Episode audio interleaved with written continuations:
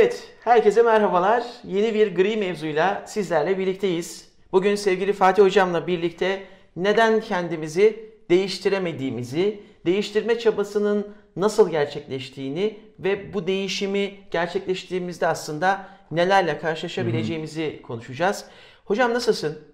Teşekkür ederim. Valla güzel bir haftaydı. Yoğun Evet. bir haftaydı. Gayet iyiyim. Sen nasılsın? Vallahi hocam ben de iyiyim. Sonsuz şükürler olsun. Böyle tempolu bir şekilde gidiyor. Eğitimler devam ediyor. Eğitimler devam ediyor. Ee, Gri mevzunun çekim günlerini böyle büyük bir heyecanla bekliyorum. Bana ayrı bir şey veriyor. ayrı mi? bir adrenalin Değil veriyor, mi? keyif Aynen. veriyor. O yüzden çok e, güzel geçiyor. Geri bildirimlerin de olması, Evet. olumlu olması ilave motivasyon sağlıyor kesinlikle, tabii. kesinlikle, kesinlikle. Bu arada Spotify'a, e, podcastlere biraz ağırlık verin. Sevgili Evet. dostlar, orayı ihmal ediyorsunuz. Yürüyüş yaparken ne dinliyorsunuz? Bizi dinleyin lütfen. Evet, Spotify'da da varız çünkü. Evet hocam şimdi neden değişemiyoruz sorusu. Ee, izninle şöyle bir giriş yapabilir miyim? Hatta en sonda söylenmesi gerekeni ilk başta söyleyip sonra ben müsaade istesem olur mu? Şimdi... Hay Allah. Ben devam ederim. ya hocam şimdi neden değişemiyoruz'un hani konuyu belirledik ya. Sonra ben üzerine düşünmeye e, başladım ve ilk aklıma geleni paylaşmak istiyorum. Bana göre değişemememizin altında yatan e, başlıca sebebin bir tanesi başkalarının kurguladığı hayatı yaşamak istediğimizden dolayı biz Süper. e, değişemiyoruz. Süper. İstesek dahi değişemiyoruz. Yani, e, yani Sahiplenemiyor muyuz evet, acaba? Evet ya bir tür kölelik gibi hocam. Çünkü Aha. başkalarının bizim hayatımızla ilgili bir kurgusu var. Ve biz o kurguya kendimizi kaptırmışız. Kendi istediğimiz hayatı yaşamaktansa başkalarının artık bunun altına kimleri doldurabilirseniz onların bizim için biçmiş olduğu hayatı yaşamayı tercih ediyoruz. Şimdi yabancı bir kişinin ismi aklıma gelmiyor. Çok güzel bir tespiti var. Diyor ki bütün bir gün akşam gelse de televizyonun karşısına geçsek şöyle bir otursak diye bekliyoruz diyor. Sonra bütün bir hafta hafta sonu gelseydi evde bir pineklesek diye bekliyoruz. İşte bütün bir yıl yaz tatili gelse de bir tatil yapsak diye bekliyoruz. Ve bütün bir ömür Ya. emeklilik gelsin Ya, de ya. dinlenelim diye bekliyoruz. Ve bununla birlikte o arada hayat avucumuzun arasından akıp gidiyor. Reklamlara bakıyoruz. Evet. Değil mi? Tatil yerine tatil yapmak için çalışıyoruz değil mi? Bilinçaltımıza pompalanıyor her şey. Ve hakikaten ya ben gerçekten tatil yapmak istiyor muyum, istemiyor muyum? İhtiyacım var mı, yok mu? Onu biz kendimiz kıyaslamıyoruz. Hocam tatilin şekline bile karar vermişler. evet. Tatilin şekline bile karar vermişler. Tatil nasıl yapılmalı, nasıl yapılırsa zevkli olur. Ee, tatil yapılacak yerlere bile karar vermişler. Yani bunları ister istemez önümüzde görüyoruz ve kapılıp gidiyoruz biz de. Çok haklısın. Peki soru şu. Tüm bunların içerisinde hakikaten ben değişmek istesem nasıl değişeceğim? Değişememenin altındaki sebepler Evet. sence nedir? Ee, ya hocam tabii çok ilginç yani. Şimdi e, şöyle düşünüyorum da hepimiz yatarken bir sonraki güne bambaşka bir insan olarak uyanmayı hayal ederek yatıyoruz. Yani sigarayı bırakmak isteyen var, spora başlamak isteyen var, kilo vermek isteyen var, ailesine daha çok zaman ayırmak isteyen var. Efendime söyleyeyim yabancı dile artık başlamak isteyen var, master programına çalışmak isteyen var, var oğlu var. Dolayısıyla kendimize bazı sözler vererek yatıyoruz ama sabah kalkınca kaldığımız yerden devam ediyoruz, değişemiyoruz. Bunu söylerken aklıma şu geliverdi hocam. Düşünsene yapmam gereken bir iş var. Bunu yapmam gerekiyor ama sahiplenememişim. Belki de altında yatan sebep az önce söylediğin. Başkası önüme ısıtıp koymuş. Onu içselleştirememişim. Onu sevememişim. Ona bir tutku geliştirememişim. Ben bunu nasıl yaparım hocam? Buna atalar cevap veriyor. Gönülsüz yenen aş ya karın ağrıtır Ya ya baş. baş. Aksine düşünelim. Öyle bir iş var ki bütün benliğimle, bütün tutkumla onu kabul etmişim, sahiplenmişim, e, içselleştirmişim. Bütün enerjimi, sahip olduğum bütün araçları, gayreti e, ona sarf ediyorum. Ve bundan da hiç imtina etmiyorum. E, bu durumda hocam ne oluyor? İştahla yenen koruk helvaya dönüşüyor. Oo. Bugün o zaman ben kurguyu anladım. Harika bağlantılarla devam ediyor. Buradan yemeğe gideceğiz hocam. En başta söylesen hocam daha da bir motiveyle var. Evet süper. Şimdi hal böyle olunca e, değişimi yaşayabilmek için bir şeyler lazım. Evet. Ben bunu ikiye ayırıyorum. Bir, gerçekten ama gerçekten çok istemek, tutkuyla istemek, dibine kadar istemek lazım bir şeyi. İki, istek yetmiyor, sürdürülebilir, devamlı ve sarsılmaz bir motivasyon lazım. Bu iki şeye sahipsek biz değişebiliyoruz hocam. Peki birinciyi tamam da hani o sürdürülebilir motivasyon nasıl elde ediliyor? Çok güzel. Hocam ya motivasyon bambaşka bir şey. Yani elle tutulamaz, gözle görülemez. Ee, kaynaklarını biliriz ama o kaynakları nasıl e, harekete geçireceğimiz konusunda bir araştırma, bilimsel araştırma falan yok. Önce biraz akademik gireyim hadiseye. Ee, motivasyon ikiye ayrılıyor malum. İç ve dış motivasyon. Dış motivasyon işte maaş, ücret, prim, terfi, itibar. Ee, yemeğini yersen çocuğum tatlını yiyebilirsin. Ee, hedeflere ulaşırsak primi hak edersin. Veya abim sen yaparsın. Koçum benim sen yapmayacaksın da kim yapacak gibi. Veya anamızın, babamızın, kardeşimizin, arkadaşımızın, koçumuzun desteğiyle elde ettiğimiz bir kaynak, motivasyon kaynağı, dış, dış motivasyon. motivasyon, Evet. evet. Olmazsa olmaz. Yatsımıyorum. Gülerek anlattım ama olmazsa olmaz. Evet. Çok lazım. Evet. Ama bir sorun var. Devamlılığını garanti edemezsin. İki, iç motivasyonla beslemezsen güdük kalır. Sürekli çalışmak gerekiyor. Kas gibi değil mi hocam? Yani Tabii ki spor hocam. yaptığınızda kaslarınız gelişir ama bıraktığınızda o kaslar tekrar eski Hocam haline sen döner. sabahtan akşamana kadar bana hadi koçum de ben bir gaza gelirim 30 saniye 30 dakika 30 saat 30 gün sonra iç motivasyon şart. Evet, İç evet. motivasyonun dış motivasyonla bir araya gelmesi şart. İç motivasyona gelince hocam bu bambaşka bir şey. Yani iç motivasyon nedir? İştiyaktır. Önü alınamaz iştiyaktır. İştiyak nedir? İştiyak nedir? Çok kuvvetli yapma heves ve arzusudur. Evet. Çok kuvvetli Tamamen içten gelen. yapma heves ve Ya arzusudur. tutku diyebilir miyiz? Ee, hocam tutku istekle Hı. biraz Tamam. ilintili. Hı hı. Ee, iştiyak sahibi olan insan tüpsüz dalıyor. Çekinmiyor. İştiyak sahibi olan hedeflerine ulaşmak için engel tanımıyor. Ee, Wim Hof diye bir adam var. Duydun mu hiç hocam? Hayır, hayır. Ya bu adam saatlerce buz küreleriyle, kalıplarıyla dolu bir odada kalabiliyor. Bu adam bir şort ve kısa kollu bir gömlekle Himalayalara tırmandı. Derdi neymiş merak ettim. Ya şöyle adam kendiyle challenge halinde. Kendini aşma derdinde. Bu arada bu adamcağız liderlik okulu açtı. Dolayısıyla kendisindeki bu değişimi bu adam doğduğundan beri böyle değil ama belli ki bir gün bir şeyler ters gitmiş ve demiş ki ben bambaşka bir adam olacağım. O tarafı uzatmayayım. Evet. İç motivasyon kaynağını çalıştırabilen, buna hakim olabilen insanın yapamayacağı iş yok. Bu maalesef özellikle günümüzde çok kolay değil hocam. Geçen programlardan birinde dedik ya, çağımız parlayan nesneler sendromu çağı. O kadar çok uyaran var ki.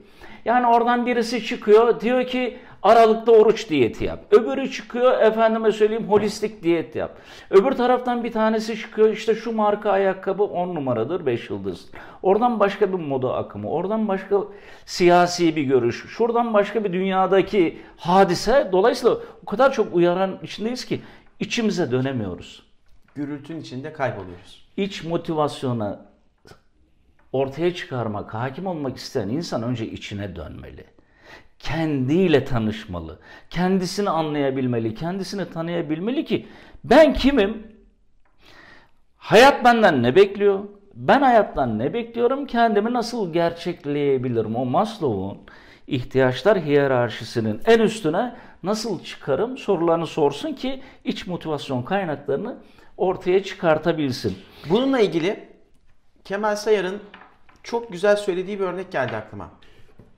Kemal Sayar Hoca diyor ki hayatın içerisine adacıklar oluşturun. Yani bu adacıkları inşa etmemiz gerekiyor. Bu adacıklar aslında bizim hani biraz önce ifade ettin ya hocam o keşmekeşin içerisinde, o uyaranların içerisinde aslında bizim nefes aldığımız yerler. Yani ana uğraşılarımızın haricinde, işimizin haricinde, öğrenciysek derslerimizin haricinde başka uğraş alanları. Bunlar bizim o adacıklarımız ve orada nefes alabiliyoruz. ve- Yavaşladığımız yerler. Ha? Bravo ve biraz önce sizin söylediğiniz gibi e, kendimize döndüğümüz, kendimizi fark ettiğimiz yerler. Bu aklıma geldi paylaşmak Eyvallah istedim. hocam. Teşekkür ederim. Rica ediyorum. Ee, iç motivasyonu ne engelliyor hocam? Bize e, kendi kendimizi motive, motive etmemizi engelleyen şeyler ne? Ben bunu iki başlık altında inceliyorum. Bir, öğrenilmiş çaresizlik. Ya İki, konfor alanından çıkamamak. Ee, hocam, Eren Özmen. Hiç duydun mu bu ismi? hayır. Ben de duymamıştım. Yeni öğrendim. İ- Hemen 2020 not alayım. Forbes dergisinin en zengin Türkler listesine 17. sıradan girdi. Oo. Türkiye'de tanınmıyor maalesef değerlerimizden biri çünkü Amerika Birleşik Devletleri'nde yaşıyor. Eren Özmen 80'li yılların başında Türkiye'deki üniversite eğitimini mütakip Amerika'ya gidiyor yüksek lisans amacıyla. Öğrencilik hayatında çok büyük maddi zorluklar çekiyor. Kendi ayakları üzerinde durmaya çalışan bir hanımefendi. Pek çok işte çalışıyor. Hatta çalıştığı işlerden biri de şu anda sahibi olduğu firma. Orada temizlikçi kadrosunda çalışıyor. Derken yüksek lisansı mütakip hemen mütakip küçük bir şirkette işe giriyor. Muhasebe departmanında bakıyor ki insanlar elle muhasebe kayıtlarını tutuyorlar. Patrona diyor ki ya bir bilgisayar alalım. Bu süreçleri çok hızlandırırız. Yok diyor yani ona ayıracak bütçemiz yok, paramız yok. Aa öyle mi peki? İlk maaşıyla gidiyor bir tane bilgisayar alıyor. Şirkete mi alıyor? Kendisine mi? Yani orasını bilmiyorum. Şirketi mi alıyor bilmiyorum ama şirketin işlerini yapmak için alıyor. Getiriyor, kuruyor. Ondan sonra muhasebe süreçleri mukayese kabul etmeyecek şekilde hem doğru hem hızlı bir şekilde ilerlemeye başlıyor. Patron şaşırıyor ve kısa bir sürede o şirketin mali işler müdürlüğüne terfi Ya ediyor. işte. Ee, dostlarımızın da tanımaları için hanımefendiyi e, ekstra bir bilgi vereyim. Şu anda eşiyle birlikte kişisel serveti 4 milyar dolar olduğu tahmin ediliyor. İnanılmaz bir şey. Amerika Birleşik Devletleri'nde NASA'nın iş yaptığı 3 firmadan biri. Elon Musk'ın e, SpaceX ile birlikte şeylere giriyor, ihalelere giriyor ve çoğunu da alıyor. Çok başarılı bir şirket. Sierra Nevada isimli bir şirket. Şimdi hocam konumuz elbette bu hanımefendi değil. Fakat öğrenilmiş çaresizlik dedim ya. Evet evet. Bu kadıncağız o gün deseydi ki aa öyle mi? Şirketini düşünmeyen patron ben ne düşüneceğim şirketi? Bana ne madem öyle öyle geldi böyle gider. Getirin kartları kurşun kalemle yazmaya devam etseydi acaba Başka bir hikaye. acaba hayatı nasıl değişirdi? Evet. Elbette bu başarısının altında yatan şey o bilgisayarı alması değil. Bu başarının İçten altında gelen- yatan öğrenilmiş çaresizliği kabul etmemesi, direnmesi. Dolayısıyla öğrenilmiş çaresizlik aslında bizim çok da gün içinde bildiğimiz, söylediğimiz, üzerinde durduğumuz bir konu değil. Seligman ve Mayer isimli iki tane psikolog var. Bunlar eee, pozitif psikolojinin babaları, kurucuları. 1967 yılında ilginç bir deney yapıyor bunlar. İki deney daha doğrusu. Birinci deneyde köpekleri kullanıyorlar. Bir sürü köpeği alıyorlar. Üç ayrı gruba ayırıyorlar. Üç ayrı kutuda, sandıkta bunları bir deneye tabi tutuyorlar. Birinci grupta köpeklere elektrik akımı veriyorlar. Birinci gruptaki köpeklerin sandıklarında, kutularında bir pedal var. Köpekler kısa sürede o pedalın akımı kestiğini öğreniyorlar. Ne zaman elektrik ye- yerlerse pedala basıp elektriği kesiyorlar. İkinci gruptaki köpeklerin sandığında pedal yok. Onlar sabahtan akşama kadar elektrik yiyor. Üçüncü gruptaki köpeklere ise herhangi bir işlem yapılmıyor. Pedal da yok, elektrik de yok. Deneyin birinci aşaması bitiyor hocam. İkinci aşamaya geçiyorlar. Sandığı değiştiriyorlar. Sandığın bir tarafını tamamen açıyorlar. içine küçük bir engel koyuyorlar. Birinci gruptaki köpekler elektriği yiyince pedala basıyor, elektriği kesiyor, engelin üstünden atlıyor ve sandıktan kaçıyor. Üçüncü gruptaki köpekler yani hiçbir etkiye sahip, hiçbir etkiye maruz kalmayan köpekler elektrik yemiyor, Ama engelin üstünden atlıyor, kaçıyor, gidiyor. İkinci gruptaki köpekler ise çok ilginç bir davranış sergiliyor. Bunlar bir önceki kutuda ne yaparlarsa yapsınlar elektriği engelleyemediklerini öğrendikleri için sabahtan akşama kadar elektrik yiyorlar, yatıp kalıyorlar. Yani engelin üstünden atlasa Ya. karşı duvar boş, basacak gidecek. İkinci deneyi bunlar köpek balıklarıyla yapıyor.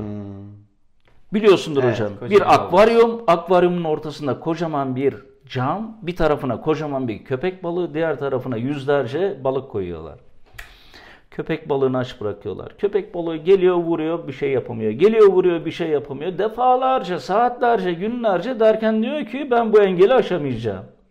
Ve kendi etrafında dönmeye başlıyor. Klasik köpek balığı hareketi. Çat camı kaldırıyorlar. Ama gitmiyor. Ama gitmiyor. Çünkü daha önce kafayı bir çekti. Ve diyorlar ki bunun adı öğrenilmiş çaresizlik. Bir deney daha var ama e, dostlarımızın e, çok fazla zamanını almak istemiyorum. Pire deneyi onu lütfen şeyde e, internetten araştırıp okuyunuz. O da çok ilginç bir deneydir. O zaman bir de fil var. Yavru filleri sirklerde Müthiş. yetiştirme Aynen. tarzı. Orada da yine zaman almayalım. Ee, lütfen araştırın. Aynı öğrenilmiş çaresizliğe uygun bir örnek. Hocam şimdi öğrenilmiş çaresizlik ne bu girişten sonra onu hemen kısaca ifade edeyim. Kişilerin, kişilerin, tabi burada bizim öznemiz insanlar. Kişilerin yaşamış oldukları, tecrübe etmiş oldukları o deneyimlerden elde ettikleri olumsuz sonuçların zihinlerinde bıraktığı ne yaparsam yapayım değiştiremem, sonucu değiştiremem, başarılı olamam haleti ruhiyesi, öğrenilmiş çaresizlik. Ve kendi potansiyelinden bir haber olabilme. Evet hocam, şimdi bu insanlar ne diyor? Ya ne yaparsam yapayım sonucu değiştiremem. Ben yapamam ki. Söylersem anlamayacak. Defalarca yaptım sonucu değiştiremedim. Öğrencilerde mesela matematik Evet. temelim yok. Evet. O yüzden matematiği yapamıyorum. Ay benim sözelim yok. E neden yok? Olması için ne yaptın? Kaç kere yaptın? Hocam e, geçenlerde bir liseyle üniversiteye hazırlanan gençlerle bir araya gelmiştim. Onlara şunu dedim. İnsanların %98'i yaklaşık eşit koşullarda yaratılmış. Zihni melekeleri açısından. Yani neredeyse %98'i birbirine nazaran daha zeki veya daha akılsız değil. İşte %1, %2 civarında dahi var. %1, %2 civarında da düşük e, zihni melekelere insan var yaratılışı itibariyle. Kalanı eşit. E niye sözelci sayısalcı diye ayırdınız ki kendinizi? İşte oradan da konfor alanına kaçıyor aslında. Oradan ikinci bölüme geçtiğimiz zaman konfor alanından bahsedeceğiz. Ee, kendine bir konfor alanı oluşturuyor. Burada mesela öğrenilmiş çaresizlikle ilgili e, hani doğduğun ev kaderindir diye bir şey var. Tanımlama var. Şimdi hatta meşhur da bir dizi var. Ben her gördüğümde e, bu yaklaşımı reddediyorum. Şöyle evet anne ve babamızı seçemiyoruz. Tamam bunu kabul ediyorum. Bunu öğrenilmiş çaresizliğe de bağlayacağım. Özellikle çocuklarda belli bir yaşa kadar e, anne, baba, toplum ve çevre etkisiyle ne yapıyoruz? Baskılıyoruz ve öğrenilmiş çaresizliği öğreniyor Evet. yavrularımız. Öğretiyoruz. Fakat belli bir zamandan sonra artık kişi kendisine dönüp kendisini tanımaya başladığı andan itibaren öğrenilmiş çaresizlik bahanesinin arkasına da saklanmamalı. Bunu fark etmeli ve orada o öğrenilmiş çaresizliği yaşadığı noktaların ne olduğunu tespit ederek üzerine devam etmeli. Yani onu bir beton gibi düşünelim. Çünkü bastırıyoruz ya. Artık o betonu böyle kırmalı. Bu self Madman heykeli var ya çok hoşuma gidiyor. O kırdıkça içinden yeni bir e, insan çıkıyor. O yeni bir insanı çıkartabilmeyi de aslında ortaya koymalı. Çünkü neden? Ya e, bu hayata bir kere geliyoruz ve evet öğrenilmiş çaresizlikle ben büyümüş olabilirim ve bunun farkındayım. Fakat bu mazeretin arkasına artık sığınmayı, sığın, sığınmamalıyım. Benim yapabileceğim çok şey var. Ne olduğunu biraz önce ulaşabilme imkanları, değiştirebilmek için eğitimler, bilgiler, videolar, podcastler Bunlarla beraber o içsel yolculuğu gerçekleştirmek lazım. İnsanların bir kısmı da hocam ne düşünüyorsun bilmiyorum ama farkına varıp ama hala onu değiştirmemeye çalışıyor. Çünkü dedim ya orada bir konfor alanı oluşacak. Evet konfor alanında konuşalım dedik. Aslında e, hafiften de bir giriş yapalım istiyorum hocam. Çünkü konfor alanında insanı e, yavaş yavaş öldüren tehlikeli bir alan. Hatta geçtiğimiz programlardan bir tanesinde de ifade etmiştim. Konfor ruhun bataklığıdır dediğimiz nokta. İşte o konfor alanı aynı zamanda öğrenilmiş çaresizlik, işte insanın kendisini değiştirebilmesinin önünde en büyük Evet. engeller. Ve o konfor alanının içerisinde bir kere gelişim yok. Gelişmek mümkün değil. Çünkü insan rahata alışıyor. Nasıl bir konfor alanı içerisindeyse ve bir şey yapmak istediğinde hemen zihni onu o konfor alanının dışına çıkmasını engelliyor. Ve orada kendisine bir hayat devam ediyor ve e, bu ömür böyle geçiyor.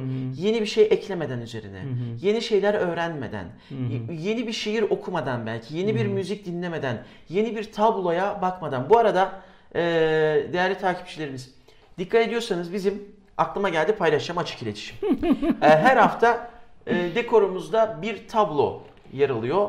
E, bugünkü tablomuz Fatih Hocam'ın kaleminden çıkan e, çok güzel bir eser.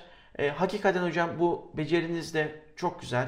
Teşekkür E, ederim Geçen hocam. haftaki programdaki o e, yağlı boya tablosu da e, Fatih Hocam'ın bizzat kendi elinden Teşekkür çıkan ederim hocam. e, bir eser. Ben buradan zorluyorum kendisini lütfen siz de yorumlarla destek verirseniz Fatih Hocam'ın bu resim çizme faaliyetlerini daha da Ha, artırmasını istiyoruz. inşallah. Şimdi bakınca aklıma geldi. en son nerede kaldığımızı unuttum hocam. Sen devam istersen. Şimdi biraz önce çok güzel dedin hocam.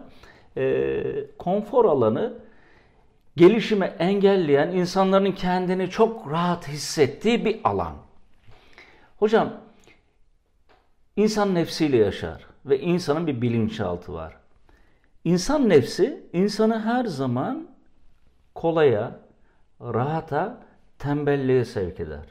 Bilinçaltı ise her zaman güvenli bir alan arar.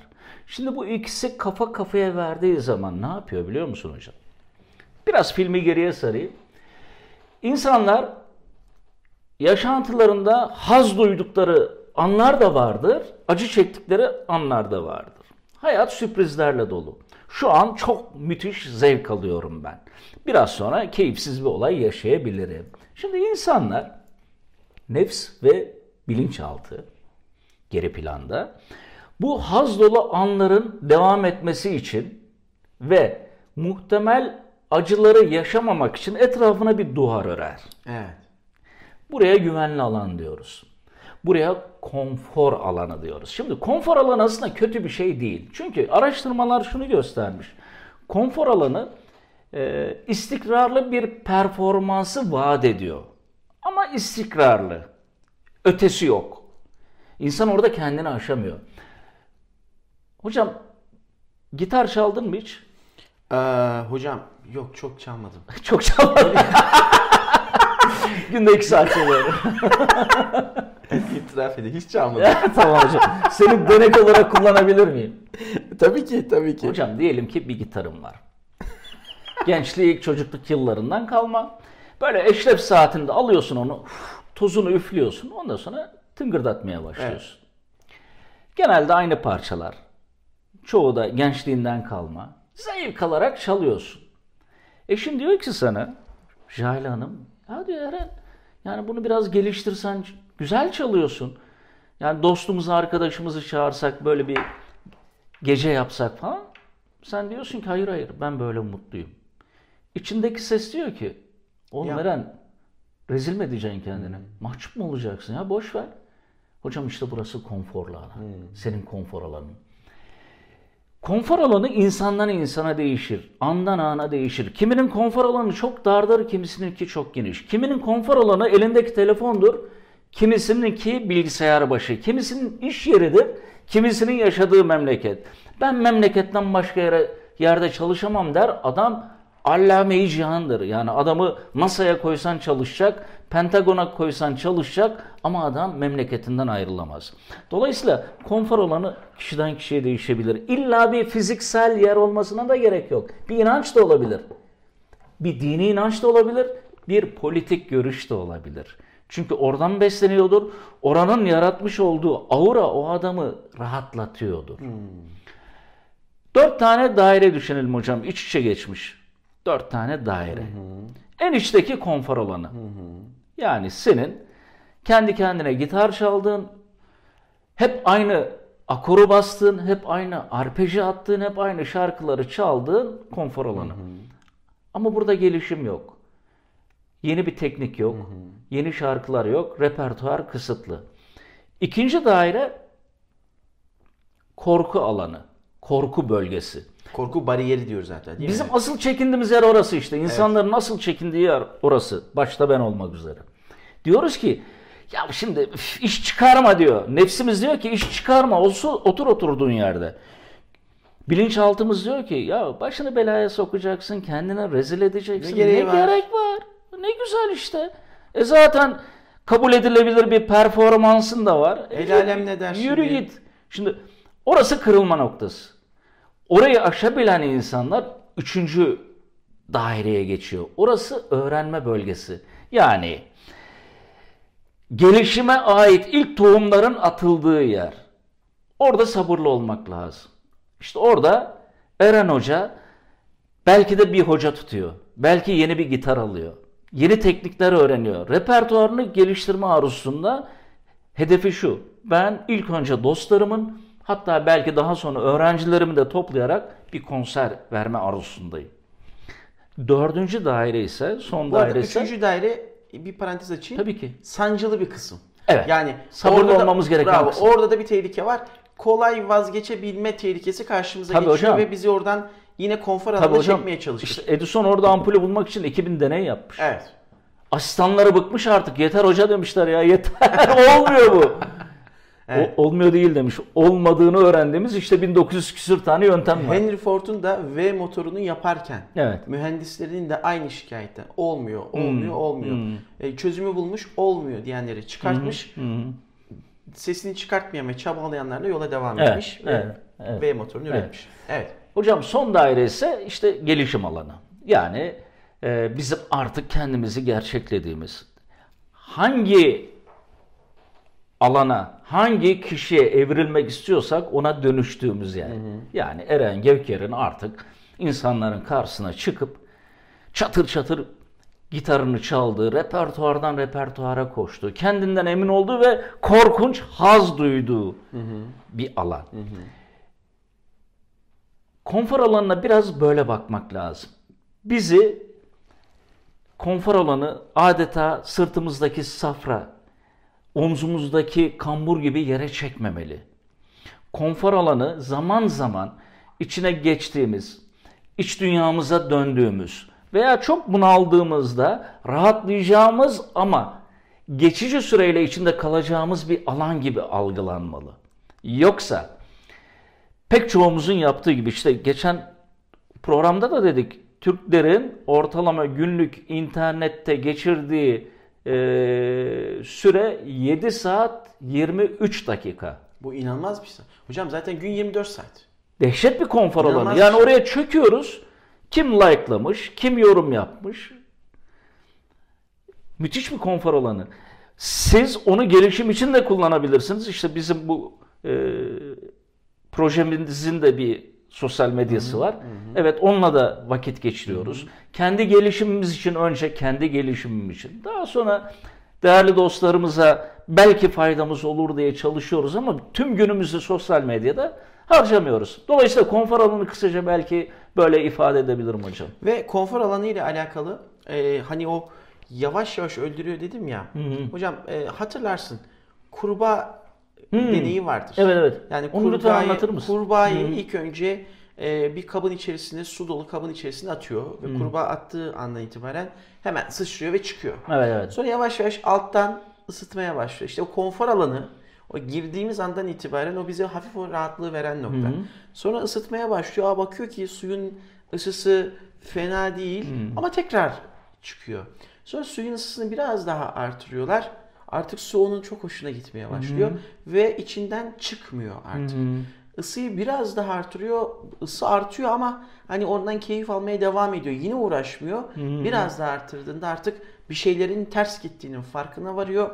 Kurtulmak istiyor ama kurtulamadığından dolayı haşlanarak ölüyor. İşte bu konfor alanının aslında güzel de bir metaforik yaklaşımı. Biz bu konfor alanının içerisine kendimizi değiştirmek için bir kere şunu net söyleyelim değil mi hocam? Ya örneğin bir bana çok geliyor çünkü. Yani e, bir kitap okumayla, bir eğitime gitmekle, bir sinema filmini izlemekle mesela izliyor içinden o dıştan motivasyonla istek geliyor ama hocam diyor ben devam ettiremiyorum. Çünkü, Çünkü- en başta dedik ya tutkuyla istemiyor onu. Evet. Gerçekten istemiyor Evet, onu. evet. Ya hocam çok özür dilerim. Sözünü sen- kestim de. Hayır, hayır, ya geçen bir arkadaş grubuyla oturuyoruz. Ee, dört kişiyiz toplam. İki arkadaşımız iştahla sigara içiyor. Bir tanesi yiyor. Artık dikkatimi çekti. ya dedim üstad yani sen böyle misin? Yemeye devam mı ediyorsun? Ya işte dedi abi dedi bırakmak istiyorum. Hocam ee, yani herhalde böyle bir 3,5-4 saat oturduk. Bunun 3 saatinde sigaradan bahsettik ve o 3 saat boyunca bir paket sigara içti. Sigarayı bırakmak isteyen, gerçekten isteyen bir insan öyle davranmaz. Evet. O bırakmak konfor alanı. istemiyor. Konfor alanı. İstemiyor. Çok pardon hocam İşte sözünü güç- kestim. güçlü bir neden hocam. Evet. Yani konfor alanından çıkabilmek için güçlü bir nedene ihtiyaç var. Güçlü nedenini bulan nasılını çok rahat bulur. Ama işte o güçlü nedeni de aramak için yine konfor alanından çıkmak gerekiyor. Normal gündelik alışkanlıkların dışında seni biraz zorlayacak. Hatta içinden yapmak istemek gelmeyecek. Ama ona rağmen kalkıp onu yapabilmek işte. Mesela kış vakti o sabah erken saatte seher vakti o sıcak yataktan Evet. çıkmak Evet, duygusu. evet, evet. Ya da ya ben bayılıyorum böyle özellikle disiplinli sporculara. Hocam Ronaldo benim çok sevdiğim futbolculardan bir tanesi ve e, iyi de bir insan. O yüzden çok seviyorum. Başarılı bir futbolcu ama iyi de bir insan. Pandemi dönemi öncesi Evet. ya bir e, performansını ölçüyorlar. Ortaya bir sonuç çıkıyor. Pandemiden sonra yine ölçüyorlar. Şimdi pandemi süreci maçlar iptal. Herkes evinde, Evet. yurdunda değil mi? Evet, Maç evet. yok, deplasman yok, hiçbir şey yok. Konfor alanı. İçine Ya- yat aşağı, hapsedebilirsin, değil mi? Yani bunu yapabilirsin. Ronaldo'nun pandemi sonrası döndüğünde performansı pandemi öncesinden çok daha iyi. İşte bu nedir? Güçlü bir neden var. Evet. O güçlü neden ne yapıyor? O tutku insanı otomatikman yönlendiriyor. Şartlar, koşullar ne olursa olsun. Bir de hakikaten o aldığımız kararların arkasında durabilme, kararlılığını gösterebilmek bambaşka bir konu. Hocam az önce aramak dedin ya. Arayanlar ancak, bulanlar Bulanlar- ancak ana, Arayan- arayanlardır. arayanlardır. Aramamız lazım ki bulalım. Kesinlikle. kesinlikle. Aramazsak bulamayız. Kesinlikle. Pardon Mehmet Akif Ersoy'un çok güzel bir şiiri var. Evet. Aa, Dün böyle bir podcast yayını dinlerken e, orada paylaştılar. Çok hoşuma gitti. Paylaşmak istiyorum. Özellikle Tabii ki. gençlere, Aha. hatta gençlere değil ya yetişkinler de dahil olmak üzere. Diyor ki çok iyi şiir okuyamam ama iyi ifade etmeye çalışacağım. Atiyi karanlık görerek azmi bırakmak, alçak bir ölüm varsa eminim budur ancak. Dünyada inanmam, hani görsem de gözümde, imanı olan bir kimse gebermez bu ölümle. Ey dipdiri meyide, iki el bir baş içindir, davransa eller de senin başta senindir. Burada meyide ceset. Çok etkiledi. Ey dipdiri ceset. Kadın cesedi. Evet yani Meyit erkek, meyide kadın Meyide cesedi. ka- Evet, kadın evet. cesedi. Ey dipdiri ceset Ya. dediğinde o kadar etkilendim Ya, ki. mi? Yani burada gerçekten azim, Hı hı. gayret ve çalışmak ve çalışmak, çabalamak. Bu işte bu isteği kaybetmemek gerekiyor. Gençlerimizde, çocuklarımızda, yetişkinlerde. Hocam Çok önemli. çok pis gaza geldim şu anda. Hocam vallahi Serbest mi? ser ya ben şu muhtemelen sonradan pişman olacağım ama. ya değerli dostlar şu anda söz veriyorum hepinize. Konfor alanından çıkıyorum. Oo challenge. Evet. An itibariyle 92 kiloyum. Hocam yok bu konuya girmesek şöyle Ya gaza geldim ya. Kabul edilebilir bir süre sonunda hedefim önce 86'ya düşmek. Buradan hepinize söz veriyorum. 86. Ee, hani bir söz var ya e, ele verir talkını kendi yutar salkımı Estağfurullah. olmayalım. Burada bir şeyler anlatıyorsak önce belki de biz öncülük yapmalıyız. Hepinize söz veriyorum bu göbeği görmeyeceksiniz. Evet benimkini de görmeyin lütfen şu andan itibaren. Evet. Hocam e, bir de yorumcularımızdan sevgili e, Seçil'in bir önerisi vardı. Evet, Sen evet, de o öneriyi evet, değerlendirmişsin. evet, evet, evet. Bir kitap e, önerisinde bulunacaksın zannediyorum. Evet. e, Onu da paylaşalım mı? Tabii hocam. Sevgili Umut Kısa'nın kitabını önereceğim ben bugün size. Ee, Doktor Umut Kısa bir iletişimci. Aynı zamanda MCC seviyesinde e, koç. Çok da sevdiğim bir arkadaşım. E, onun kitaplarının tamamını önereceğim size ama öncelikle Aziz kitabını e, edinmenizi ve okunmanızı e, tavsiye ediyorum. Kısaca bir spoiler vermem gerekirse e, insanlar yaşadığı olaylara, dönemlere veya ilişkide bulunduğu insanlara göre ahlakı eğip bükemez. Ahlak ahlaktır ve hiçbir şekilde ödün verilemez temalı bir kitap. Ee, Türkiye'nin de yakın tarihiyle ilgili bir kitap. Ben bir solukta okumuştum. Roman ama verdiği mesajlar çok güzel. Çok teşekkürler. Bu arada e, sizler de önerilerinizle, yorumlarınızla, eleştirilerinizle hem aşağıdaki yorumlara hem Spotify e, vesilesiyle oradan bizlere ulaşabilirsiniz. Hocam bitirelim. Ee, Eğer bir şey daha yaşam- söyleyebilir Lütfen. miyim? Sizin de hayatınızda böyle challenge'lar varsa Evet. yakın dönemde veya bundan sonra lütfen altta paylaşın bunu. Hı hı. E, abone olmayı da unutmayın. evet. Evet. Hocam ağzına sağlık. Eyvallah Çok hocam, teşekkürler. Sağ ol. Senin de ağzına Ee, sağlık. yine güzel, keyifli bir sohbet oldu. Ee, buradan e, sevgili takipçilerimize de selam ve muhabbetlerimizi iletelim. Programımızı kapatalım. Evet. Tekrar görüşmek üzere. Hoşçakalın.